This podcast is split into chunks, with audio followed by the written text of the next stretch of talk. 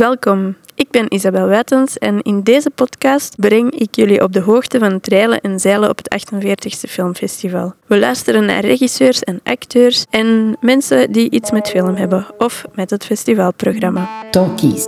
Het Filmfest Gent 2021.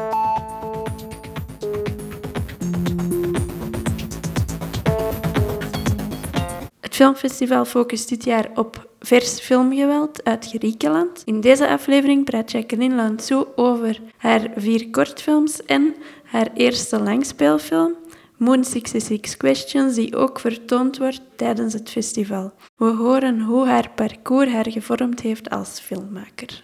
Veel luisterplezier.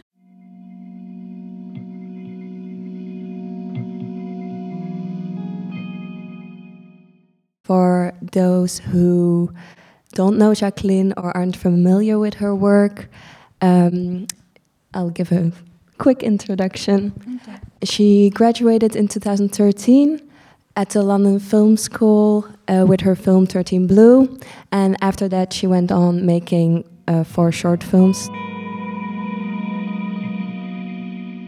Fox is my first, let's say, professional short film. Um, and it was uh, rather weird for me because I was coming back from London to Athens, which was a weird decision. Most people would like stay in London and try to, you know, do it there. I hate London, so I had to leave. And then I had to find my way and how the whole uh, funding situation goes.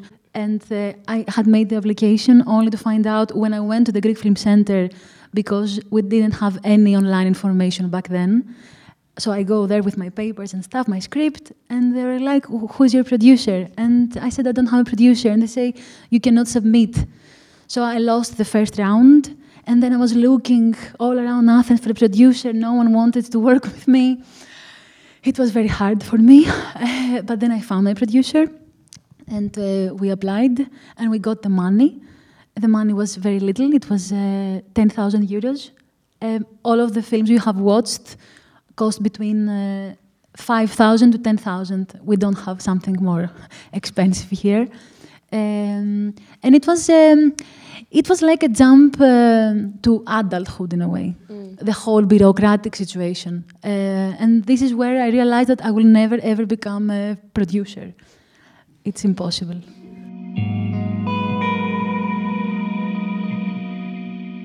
Four that have Greek Film Center money the rest are independent because um, I, I, cannot be making one film every five years, and this is the pace in Greece. If you want to wait for the Greek Film Center, you have to wait and wait and wait, and I, I would die if I was about to wait. Uh, so I had to find ways to make my films without the Greek Film Center. This is why I have been writing scripts that are in very particular spaces, one character, and uh, they are economical, so I can make them. Because if I wanted, let's say, to shoot uh, Hector Malot, which costed 8,500 euros, and it was all award money from Fox, but if I, if I wanted to do it with a Greek Film Center the right way, I had to wait at least for three years, and it's, it's, it's painful for someone that really loves making films.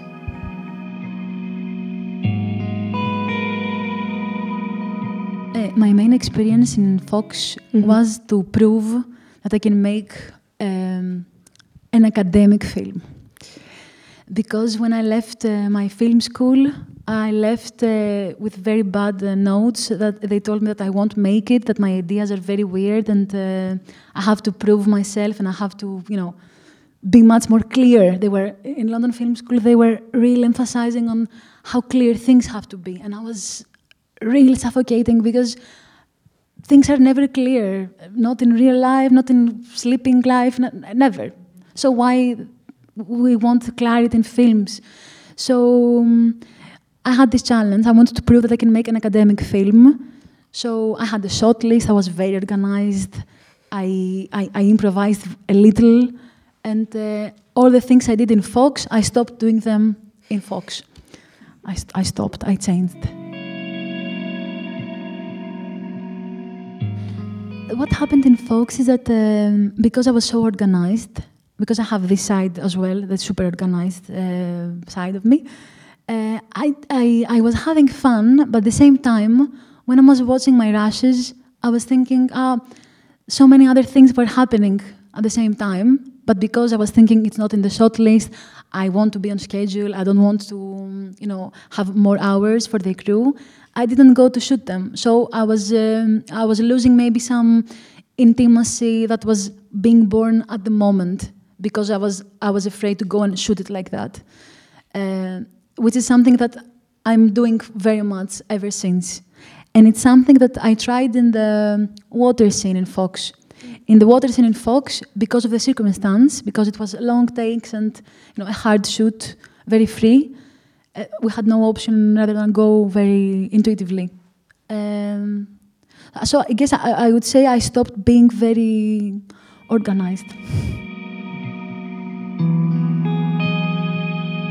I constructed the scene like I constructed all of the film, which is I had created this um, small uh, family because indeed uh, the boy, the kids, and the girl became like a small family uh, in the meetings before because we did not rehearse, and. Um, I just told them to have fun in the water scene because I knew it would be the last moment of fun in the film, in a way. Mm-hmm.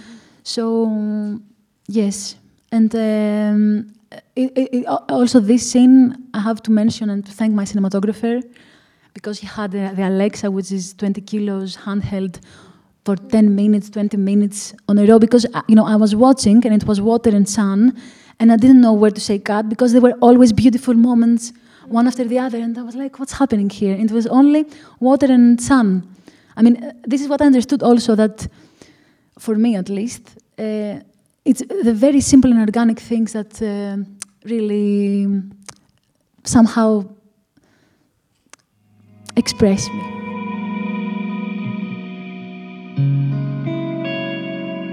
I, I, I do this because um, when something is very free, it can never be the same. It's, it, it's super in the moment, and uh, it's something that interests me a lot as a filmmaker and as a person, the moment in itself, mm-hmm. and how we appreciate the moment or how we don't appreciate the moment because we are overwhelmed with something else and we lose what's happening, blah, blah, blah, blah, all this new age uh, existential philosophy. But uh, yes, I never do it again.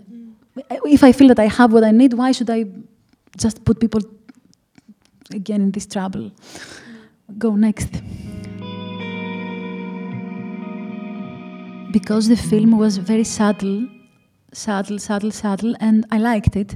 However, my editor told me we need to get an idea that something is going wrong because they are very happy. And I liked that they were very happy, and at the end, they wouldn't be.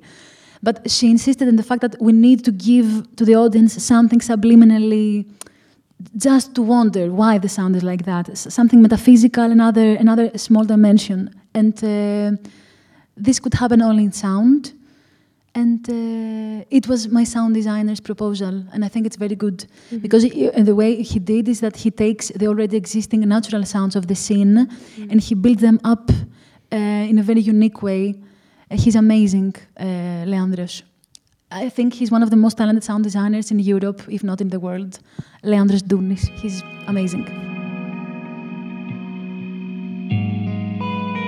So Hiwa, the film um, that's like recounting the dream. The father is in dialogue with the mother, recounting the dream about his two daughters. It was a commission from uh, Athens International Film Festival that asked from seven um, uh, directors to shoot a short film showcasing Athens in a different way. This is what they told us. So we jumped in, seven people, and we made seven films about Athens. And when I when I, I read Athens in a different way, whenever I, I read different way, my mind goes automatically into dreams because I, I feel that dreams are like awaken life.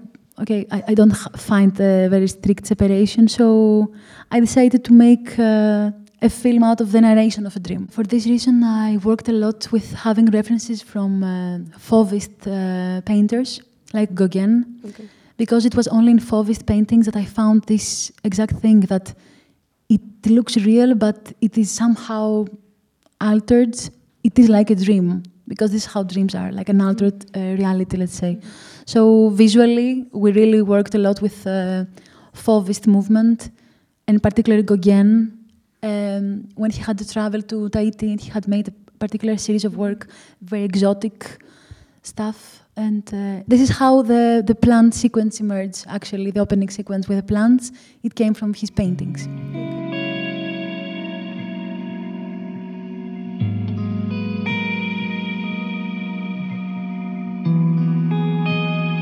It was uh, exactly the other way around. I first started shooting, shooting, shooting, experimenting with different ways of shooting. Then we edited based on the image, and then I wrote the dream. Okay, so, So, so the words popped up after the image. I like the fact that um, it really gave me absolute freedom. I could do anything. And this is why this type of films, some people call them essay films. I'm not sure about genre and stuff. I'm not interested. Uh, but these films that are not pre-decided and somehow they have the chance to recreate themselves in the editing room and then in the sound and they expand and they expand and you don't know when they stop expanding are my favorite type of films and they're very different from the other ones yes so it's about freedom i think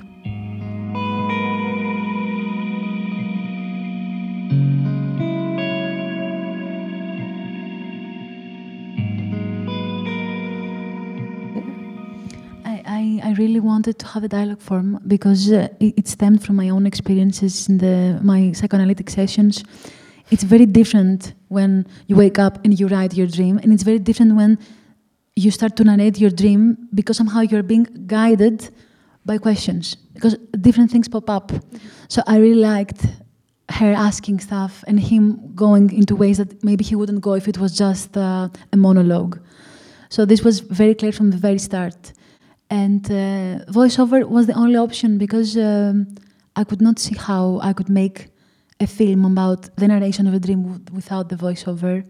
And I, I, in general, I like voiceover as a, um, a technique a lot because it reminds me of our thoughts in our head sometimes. Um, because I, okay, you can hear us, but at the same time, I'm sure you all think many different things. So imagine if we had sm- voices over your heads. I, I would really enjoy that. And uh, this is what I, I like in films as well.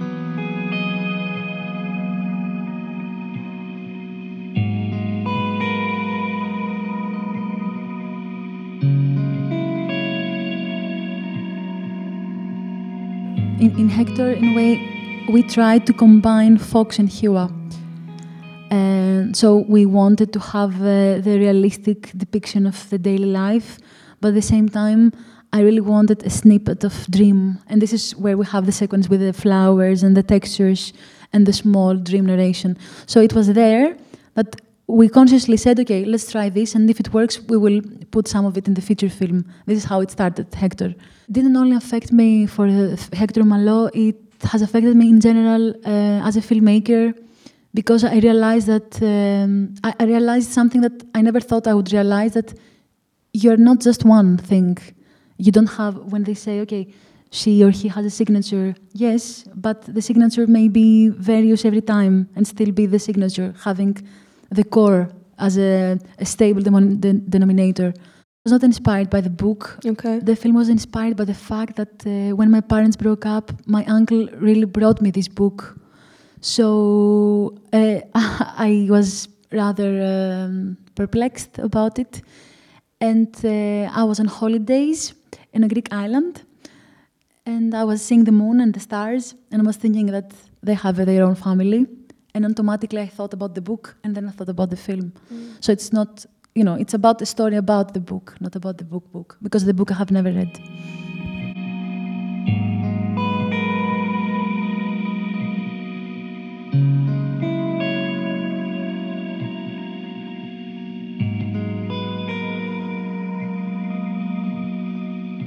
Don't research about the characters because I, I always write about things I know very, very well empirically.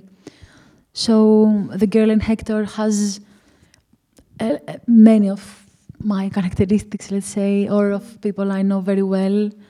Uh, so I wouldn't need to research myself. Uh, but I know that I understand what you mean. Let's say now I'm writing a feature film, and uh, the, the, the, the protagonist is a 15 year old boy. I'm now 32, and I realized that I really don't know how a 15 year old boy is now in Greece. And it was the first time I thought that, oh, I have to make some research about my protagonist. And uh, it was shocking because, first of all, I felt old. And secondly, I felt that, uh, you know, filmmaking uh, will change from now on because I cannot be speaking about things I know only. I have to go into things I don't know to discover them. This film uh, also was like your first collaboration with Sofia Kolaki. Kokkali. Kokkali. And since then, she became the like the lead actress in each film of you.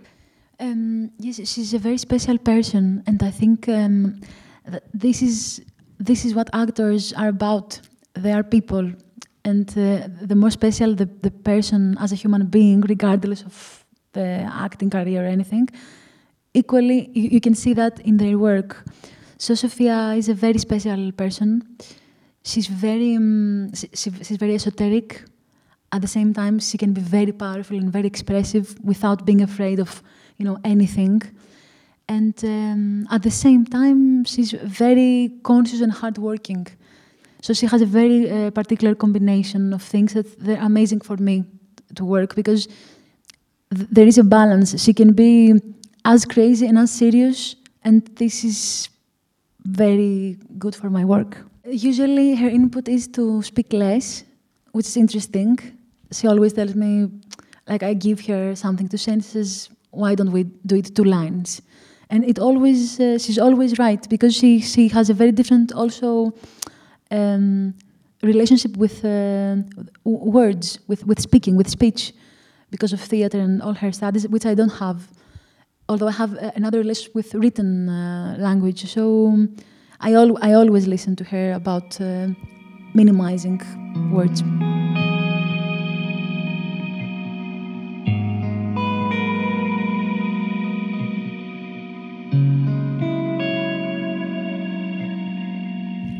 I, don't like manipulating things in general. I really like trying with my cinema to share with people real chunks of someone else's life.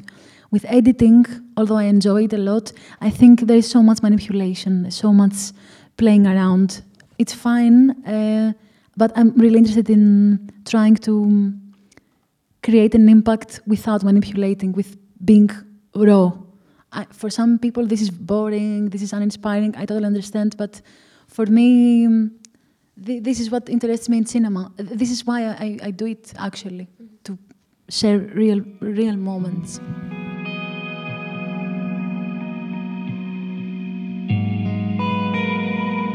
When you don't feel that you can really, really substantially connect with anyone, really looking at the sky is very comforting.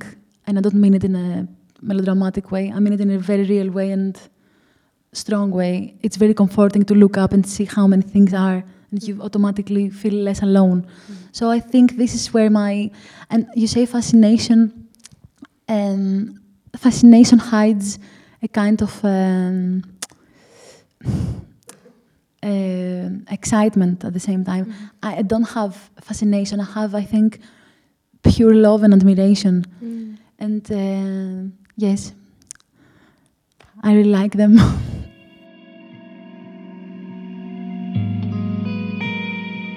The thing is that whenever I finish a film, I'm happy, but then immediately I'm very sad because I think that I didn't give enough time. And I'm thinking, oh, what could have happened if I have given some more time to this this project? At the same time, I'm thinking that I cannot, you know, forever deal with a project. Uh, life moves on. It's a film. It's a project. It's an idea. Let's go to the next one. So I'm rather mixed uh, in the feature film, unfortunately, again, as I told you before, I had to rush, but this was not pleasant because I didn't have to rush to jump into the next one. I had to rush because I was asked to rush, so it was a different type of pressure.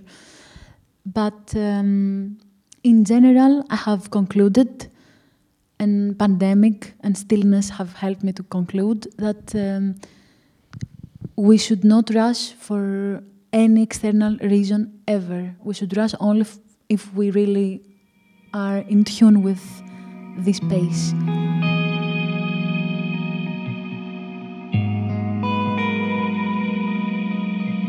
Uh, the advice I would give to young filmmakers is to do always all the things you really like and never, never sacrifice what you really want to do for anyone else. And I think that way we will be having amazing films from all around the world.